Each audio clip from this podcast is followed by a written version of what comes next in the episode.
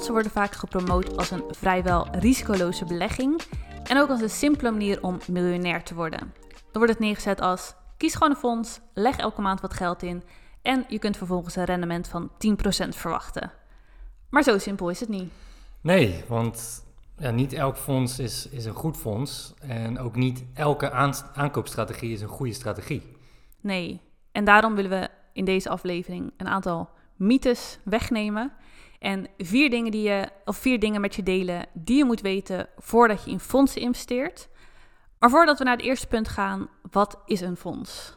Ja, ik denk de makkelijkste manier om, om te snappen wat een fonds is, is dat het eigenlijk gewoon een verzameling is van verschillende beleggingen. Dus een fonds kan investeren in een groep aandelen uh, of in een groep obligaties of een mix daarvan. Dus in een fonds heb je gewoon ja, een groot aantal verschillende beleggingen. Ja, en dat is eigenlijk gelijk een van de grootste voordelen ook, doordat je eigenlijk dus in meerdere beleggingen tegelijk investeert of in één keer investeert, heb je dus ook meteen spreiding. Ja, een stukje spreiding en gemak zou ik zeggen. Want kijk, als je bijvoorbeeld in een fonds investeert die waar 200 verschillende aandelen in zitten, ja, als je zelf 200 aandelen moet kopen, dat schiet niet op. En dan heb je heel veel, heel veel transactiekosten. Ja. In plaats daarvan kan je gewoon een fonds kopen die in die 200 aandelen zit bijvoorbeeld. Ja, dus jouw inleg, dus stel je legt 500 per maand in, die wordt dan elke maand over die 200 aandelen verspreid. Wordt automatisch verdeeld. Ja, ja. hoef je zelf niet meer over na te denken. Nee. Inderdaad, jij legt het in en het fonds ja, doet Dus jij koopt dat fonds en dat fonds handelt uh, dat af met, met hoe dat verdeeld wordt. Ja. Gaan we naar het eerste punt. En dat is dat het belangrijk is om te weten dat er verschillende soorten fondsen zijn.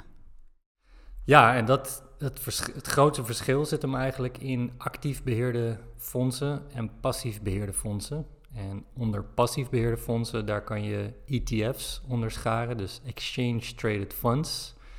En de Nederlandse naam is daarvoor op de beurs verhandelde fondsen. Um, en wat een actief fonds probeert te doen, is eigenlijk, die probeert het beter te doen dan de markt. Dus de fondsbeheerder, die probeert zijn beleggingen zo in te richten dat die de markt, dus het gemiddelde in de markt, verslaat. Nou, wat een passief fonds probeert te doen, die probeert niet beter te doen dan de markt, die volgt gewoon de markt. Dus dat is eigenlijk het grote verschil daartussen. Ja, en dan binnen die passieve, dus binnen die ETF's, heb je ook nog verschillen. Ja, ja binnen actief en passief. Maar als we even inzoomen op, op het stukje passief, hè, die, die, die kunnen een index volgen, die kunnen een specifieke sector volgen. Dus als we het hebben over een sector, dan kan je bijvoorbeeld denken aan robotisering. Dus dat fonds investeert in allemaal bedrijven die in de robotisering zitten. Uh, of in de AI bijvoorbeeld.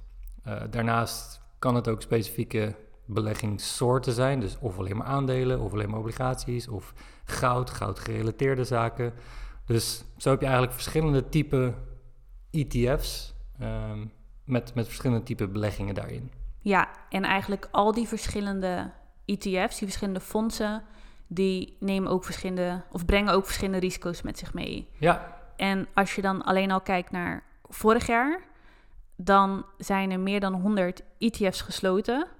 En toen wij die statistiek voor het eerst, of toen ik die statistiek voor het eerst hoorde, was ik best wel verbaasd. Omdat je inderdaad dus vaak hoort van, nou, ETF's zijn super veilig en een hele makkelijke, stabiele, risicoloze ja. manier om te investeren. Maar dat viel toch wel even tegen. Ja, tuurlijk. Want kijk, dat, dat is denk ik niet iets wat, uh, wat algemeen bekend is. Maar kijk, een fonds, een ETF, moet er ook voor zorgen dat ze winstgevend zijn. Op het moment dat ze niet winstgevend zijn, dan ja, houdt het op een gegeven moment op. Als een fondsbeheerder uh, verlies aan het leiden is met zijn ETF, dan is de kans groot dat hij uh, moet opdoeken, dan dat dat fonds stopt. Ja. En vorig jaar um, zijn er dus inderdaad 100 ETF's uh, gesloten. Is dat dan, kan je dat dan gewoon vergelijken dat zeg maar een, een, bedrijf gaat failliet, dus dat aandeel verdwijnt en nu gaat eigenlijk dan een fonds failliet? Ja, maar het is, kijk, met een, als een fonds failliet gaat, dan dat is nog wel wat gunstiger voor een investeerder dan wanneer een aandeel failliet gaat. Want dan, als een bedrijf failliet gaat, dan gaat de waarde van het aandeel naar nul. Als een fonds niet presteert, dan zit er alsnog wel waarde in dat fonds doordat ze investeren in die beleggingen. Ja, Dus op het moment dat het fonds gaat opdoeken, op het moment dat het fonds ophoudt te bestaan, krijg jij als investeerder wel je geld terug. Ehm, afhankelijk van, van de waarde van dat fonds op dat moment. En Ja. de waarde van het fonds is eigenlijk het gemiddelde van de beleggingen die daarin zitten. ja, dus het maakt het alsnog wel minder risicovol. Vanwege dus die spreiding. Ja, want het fonds gaat niet per se failliet. Nee, Ehm, ze zijn verliesleidend Ja. en, en houden om die reden op te bestaan. ja, maar de beleggingen in het fonds, Ja, die gaan gewoon door. precies. Ja. En, en die verkopen ze dan en, en de opbrengst daarvan wordt verdeeld onder de investeerders in het fonds. Ja. Maar goed, dat is ook niet iets wat je zou moeten willen. Nee, en kijk, grote kans op het moment dat een fonds niet succes... Waarom is een fonds niet succesvol? Ja, Als, als ze geen rendement halen. Nee. Dus grote kans dat je alsnog wel met verlies verkoopt. Maar het is niet zo dat je je geld kwijt bent op het moment dat een fonds ophoudt te bestaan. nou ja, een deel Een waarschijnlijk. deel, ja. Nee, maar je Ja. het gaat niet naar nul. Nee, zeg maar. precies. Maar goed, dat betekent dus wel dat ETF's risico's met zich meebrengen. En dat het dus belangrijk is, of, of gewoon belangrijk om te beseffen dat niet alle ETF's potentie hebben of stabiel zijn. En dat, Nee, dus, dat je wel moet weten van welk, in welk soort ETF moet ik investeren als ik inderdaad op de lange termijn wel dat rendement wil behalen. Ja, het is alsnog super belangrijk om, om goed onderzoek te doen Ja, eh, naar de potentie, maar ook de stabiliteit. Dus dat, dat zijn wel echt dingen waar je rekening mee moet houden. En een goed voorbeeld is, is die ETF van Katie Wood. Voor de mensen die haar niet kennen, Katie Wood is, is ja, het, het boegbeeld achter het bedrijf ARK Invest. Dat is een grote vermogensbeheerder. En die hebben dus een aantal ETF's bieden ze aan, waaronder hun flagship ETF. Dat is, dat is, een, dat is hun grootste ETF waarmee ze in innovatieve technologieën investeren. Maar dat is best wel upcoming. Dus dat zijn ook bedrijven die ja, in sommige gevallen nog niet winstgevend zijn. Of hè, die, die moeten zich nog bewijzen. Maar die heeft dus eh, vanaf het hoogste punt, ergens in 2021, naar de bodem die eh, ja, ergens eerder dit jaar werd bereikt, min 80% gedaan. Dus dat geeft aan. dat- volatieler dan de meeste aandelen. ja, ik bedoel, als je kijkt naar de S&P 500, die heeft in 2022 min 19, min 20 procent gedaan. ja. Dus dit, dit, dit geeft maar aan dat, ja, oké, een ETF geeft je spreiding, want er zitten meerdere, soms tientallen tot honderden verschillende beleggingen in dat fonds. En daarbij zou je zeggen dat is minder risico, maar wil niet zeggen dat er helemaal geen risico is. In sommige gevallen, net zoals met, met deze van Katie Wood, zit er alsnog veel risico in. Ja, dat Dus minder risico is ook gewoon relatief. Precies, want het gaat Ja. echt om de type beleggingen die erin zitten. Ja. Ja, en er zijn natuurlijk ook ETF's die wel hoge rendementen hebben behaald. Ook Ja. het afgelopen jaar. Ja, nee, precies. Ja, dus dat, dat, dat is heel belangrijk om, ehm, om in de gaten te houden. Dat er gewoon een enorm verschil zit in rendementen en risico's binnen, eh, binnen een ETF. Dus kijk, wat je vaak hoort, je hoort de uitspraak van buy ETF's en chill. In de zin van, ja, je kan gewoon ETF kopen en dan groeit je vermogen wel. Maar dat is dus niet juist. Er Nee. zijn heel veel ETF's die verliesleidend zijn, die niet de rendementen gaan geven die je hoopt. eh, en in het ergste geval zelfs sluiten. Ja. ja, het is echt afhankelijk van het type ETF dat je koopt, Ja, hoeveel potentie het heeft. Het tweede punt is dat er ook verschillende kosten zijn. Nou, sowieso zijn er verschillen in kosten tussen actieve fondsen en passieve fondsen, waarbij actieve fondsen dus actief beheerd wordt. Dus daar zit iemand op die probeert de markt te verslaan. Dus dat is altijd duurder dan een passief fonds. Maar ook per ETF, dus per passief fonds, zijn er verschillen in kosten. En in een eerdere aflevering hebben we al gezegd, kosten vreten ontzettend aan je rendement. Dus ja het, het maakt nog gewoon een verschil of je een ETF hebt die 0,04% aan kosten per jaar hebt of eh 0,75%. Dat is een veelvoud. En Ja. die, die percentages klinken misschien alsnog laag, want ja, wat is nou minder dan 1%? Maar op het moment dat je vermogen groeit en je portefeuille aan het groeien is, ja, dan gaat het om wel serieuze bedragen. Ik bedoel, als je 1% betaalt over 50.000 euro, nou, dat is 500 per jaar. Zou je zeggen, oké, kan nog. Maar maakt dat 100.000, 200.000 euro, ja, dan, ga je, dan heb je het over 1000, 2000 euro per jaar. En hetzelfde voorbeeld wat we vorige keer gaven met, met het uitbesteden van je beleggingen, die kosten die je hebt. Ja, als je die, dat geld in je zak kan houden, kan je dat ook weer aan het werk zetten.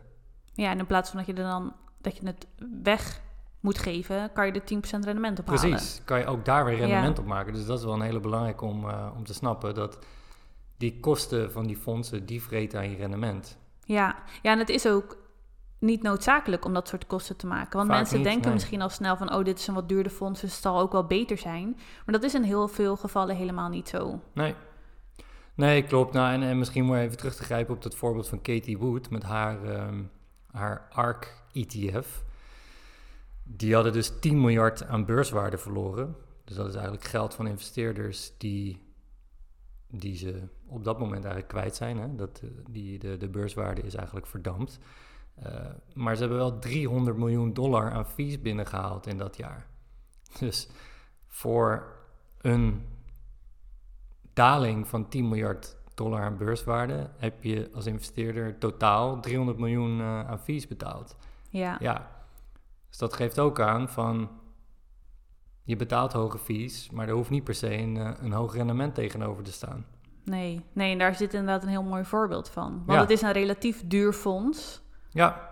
Ja, en krijg je dan ook relatief hoge rendementen, oké. Ja. Maar je ziet dus dat dat niet altijd hand in hand gaat. Nee, precies. En, natuurlijk is het zo dat we... Kijk, we halen hier nu een voorbeeld uit van de afgelopen jaar, anderhalf jaar. Uh, je moet het echt op de lange termijn bekijken. Maar dit is wel in het kader van, van risico en kosten... is het wel een heel mooi voorbeeld. Ja, ja, en daarmee willen we ook niet zeggen dat je dan altijd maar de goedkoopste moet kopen. Want het is wel heel goed dat je kijkt naar.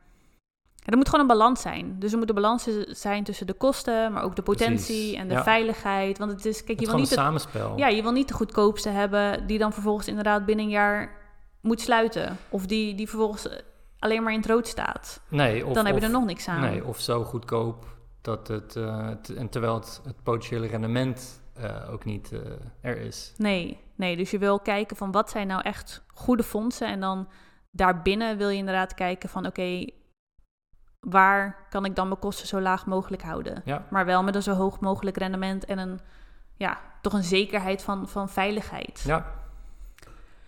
Het derde punt, en dat is dat fondsen, en dus ook ETF's, niet alleen maar omhoog gaan. Nou, na de vorige punten was dat je waarschijnlijk al duidelijk. Maar we willen het toch nog even kort benoemen. Want er wordt vaak gesproken over 7 tot 10 procent rendement per jaar als je in een ETF investeert. Maar het is wel heel belangrijk om te beseffen dat dat om gemiddelde gaat. Er zijn ook jaren dat het 30% in de min staat of 40% in de plus. Ja, kijk alleen maar naar vorig jaar. Ik bedoel, als je de grootste indexen ter wereld bekijkt, S&P 500 bijvoorbeeld, die deed in 2022 min 20%. Dus ja, ja en als je dan dus denkt dat een fonds altijd met 10% stijgt... Ja, en jij eh, stapt in en ineens sta je 20% in de min... dan is het ook kom je een... voor een uh, verrassing te staan, ja. ja. Nee, dus het gaat echt om gemiddelde rendementen... en die gemiddelde rendementen behaal je door dus voor de lange termijn te investeren. Ja. En daar zitten inderdaad... daar kunnen grote schommelingen per jaar tussen zitten. Ja, ja want wij rekenen vaak met 10% op in de posts die we op social media delen en zo. En dan krijg ik wel eens de vraag, waar haal je die 10% vandaan? Maar dat is dus, als je kijkt naar de afgelopen decennia... en wij nemen dan vaak de S&P 500 als voorbeeld... omdat dat gewoon een van de grootste indexen van de Verenigde Staten is... dan zie je dus dat die over zijn levensduur... of in ieder geval de afgelopen decennia... 10% per jaar gemiddeld maakt. Maar dat is dus gemiddeld. Er zijn dus ook jaren met veel hoger rendement en ook veel lager rendement. Ehm, maar met een lange termijn focus is dat dus op basis van historische analyse, wat je dus eigenlijk zou kunnen verwachten voor de toekomst. Maar dat is dus een gemiddelde. Dus wees je ervan bewust dat er op de korte termijn volatiliteit is. En als je dan dus ook weer kijkt naar die SP 500, gedurende ze hele bestaan zijn 73% van de jaren in het groen geëindigd. Maar dat betekent dus ook dat 27% van de jaren in een verlies zijn geëindigd. En dat is dus, ja, het is toch een kwart.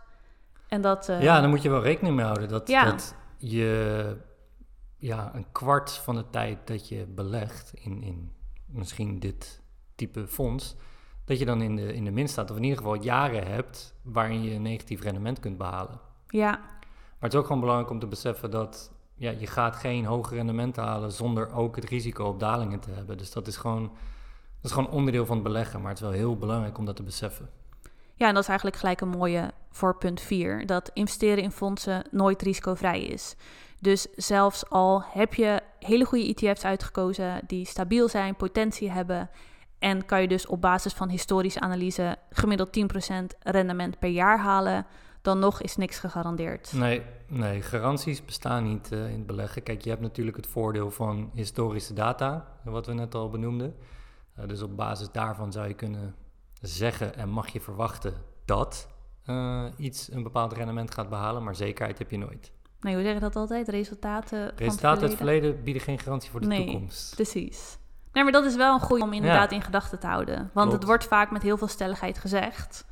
Maar niks is zeker. Nee, nee, niks, eh, nee, precies. Niks is zeker. Dus kijk, sommige fondsen, sommige ETF's hebben inderdaad een laag risico. Maar zoals we aangaven, verschilt het risico tussen ETF's enorm.